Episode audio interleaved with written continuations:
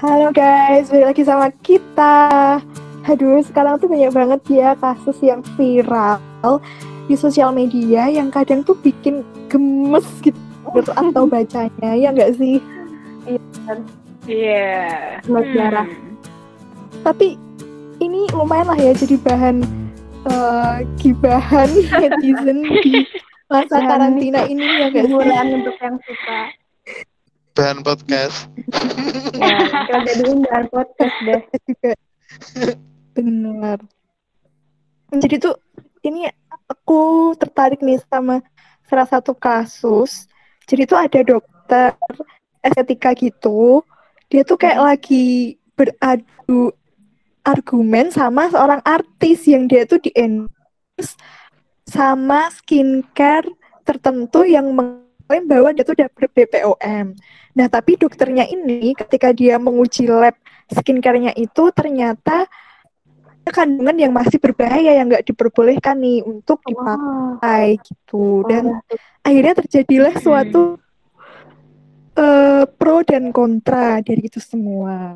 Hmm, Mm-mm. menarik Ini tuh. pasti netizen udah pada tahu lah Iya, ya kayaknya ada yang tahu. Tentang apa. Walaupun aku baru tahu dari kalian juga sih.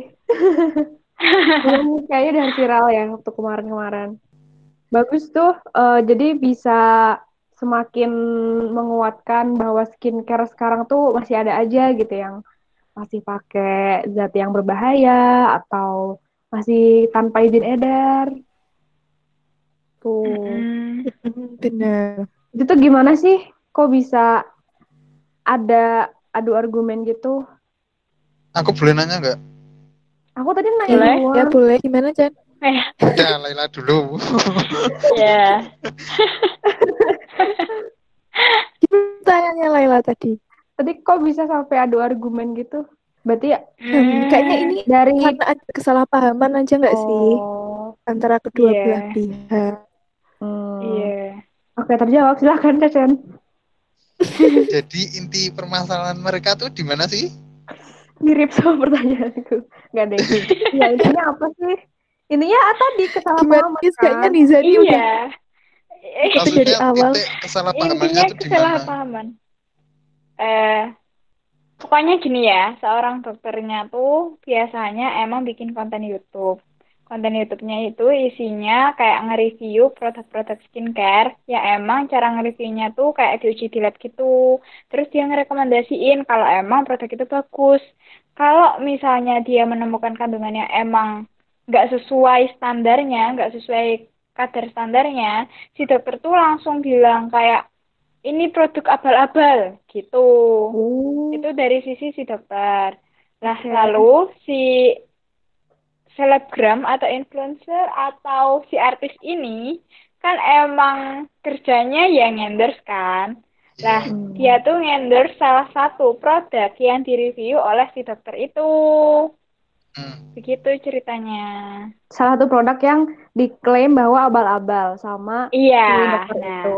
Terus gak, di- Heeh. gak terima gitu si artis yang endorse-nya. Iya. jadi intinya produknya itu abal-abal nggak Sebenarnya kalau yang aku tangkap dari kasus ini ya, gini, si BPOM, Badan Pengawas Obat ke Badan Pengawas Obat Kosmetika dan Makanan, itu tuh dia ngasih izin edar per produk, Mm-mm, bukan per merek. Betul. Nah, si skincare, si merek skincare ini tuh punya berbagai produk kan. Ada krim malam, ada krim pagi, ada sabun juga, ada toner. Ada beberapa yang emang, ada banyak ding, ada banyak yang udah dapat izin edar. Nah, tapi ada salah satu produk yang belum ngantongin BPOM, soalnya emang produk itu produk racikan, kata si pemiliknya. Hmm, Tuh. Terus Tapi habis itu, bebas ya gitu ya bener banget. Nah, heeh. si dokter ini bilang, tapi kok apa produk ini kok bisa dibeli dengan mudah gitu. Makanya ngeklaim abal-abal. mm. Sebenarnya Terus jawabannya apa kata si produk produsennya? Kalau si produsennya waktu itu bilangnya, ya nggak abal-abal, kan kita ngantongin BPOM. Emang produk ini tuh eh harus didapatkan pakai eh nggak tahu guys aku bingung Hmm, gimana Kip Kalau setauku ya, Pokoknya ya mm, dia tuh bener ada produk yang racikan dan harus pakai resep dokter, tapi dibilangnya itu bisa dibeli di Shopee kayak gitu. Nah itu sebenarnya sepahamku ya nggak bener tuh ada di situ. oh, berarti produsennya yang apa ya, nggak paham ya. Jadi harusnya tuh nggak dijual bebas, tapi tetap Iya. dia jual bebas. Harusnya nggak muncul di Shopee gitu loh. Iya Padahal dia bawa apoteker Iya. kan di YouTube-nya. Apotekernya Iya. gimana aja tuh? apotekernya jelasin sih kalau produk ini emang harus emang diracik oleh apoteker dan harus resep dokter gitu tapi dia kayak ya emang kurang gitu loh edukasi tentang itu tuh nggak sebenarnya nggak boleh dibeli secara Hmm. mudah gitu Oh gitu. ya namanya penjual di mana-mana kan juga ya mempromosikan Cari, produknya sih iya benar cari untung ya. iya Hmm, oke. Berarti hikmahnya yang bisa diambil tadi sih eh perlu masing-masing tuh perlu paham gitu yang bikinnya, terus yang beli atau yang ngepromosiin itu harus paham itu tuh boleh apa enggak Mm-mm. tuh dari sisi legalnya sama dari sisi keamanan zat yang ada di dalamnya itu. Hmm. dari sisi regulasinya marketingnya Hmm. kayaknya semuanya perlu diatur Iya, itu tuh aku lihat komentar di YouTube rame banget. Ada yang apa ya, jadi kayak pick sides gitu. Terus komentarnya. Terus pedes bener. iya Tapi kita kalau jadi netizen jangan, jangan sepedes itulah ya kayaknya kalau Oh komentar. iya, walaupun, maksudnya walaupun eh, kita mengkritik itu boleh. Hmm, Ya, tapi kata-katanya mungkin ada. dibuat yang enak gitu. Jangan yang terlalu Hmm. pedes dan jatuhin orang lain yang bener-bener ya ampun bacanya iya pedes banget Iya, ya. aku lihat di YouTube tuh eh, kan komentar tuh suka banyak yang nge-like ya, yang nge-like. Nah, iya rata-rata like yang di like banyak tuh yang itu yang emosi, malah komentarnya pedes-pedes heeh. pedes yang Iya bener-bener makanya asik. Justru itu yang bikin pada- trending kayaknya. Iya, sebenarnya mungkin itu mewakilkan ya. Cuman, cuman ya diatur lagi lah ya masing-masing dari netizen. Susah sih kalau mau ngontrol netizen, netizen kan malah benar. Iya. Cuman ya dari kita eh, menyarankan Kalau nggak tahu seemosi- diem aja gitu loh. Iya, terus kalau mau yang ngekritik yang membangun gitu atau yang bahasanya baik.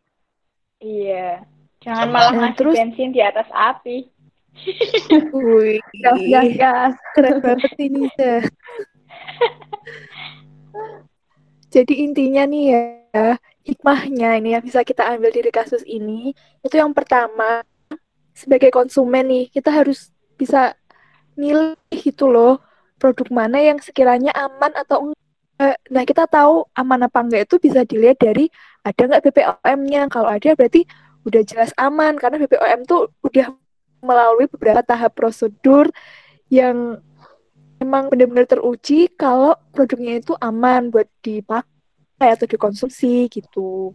Mm-mm. Dan sebenarnya skincare tuh juga eh, nggak apa-apa dia nggak ber-BPOM asalkan itu benar-benar skincare yang diracik apoteker dan juga itu berdasarkan resep dari dokter gitu. Jadi udah terpercaya gitu.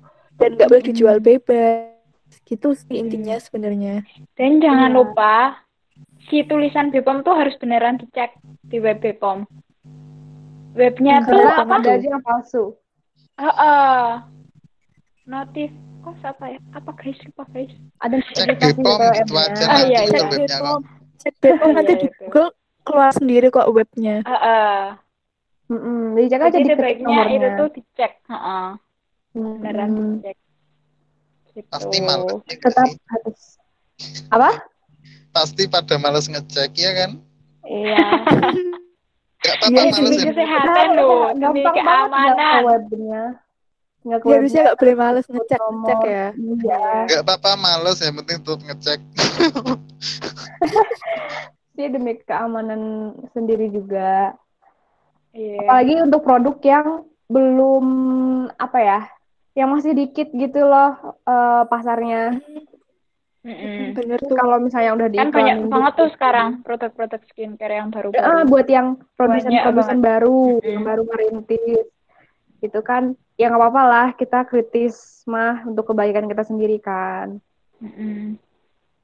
Apalagi yang mau diutarakan nih sama teman-teman. Sekian Hmm, dari cukup saya. dari aku. Mm-mm. Dari aku juga cukup. Juga.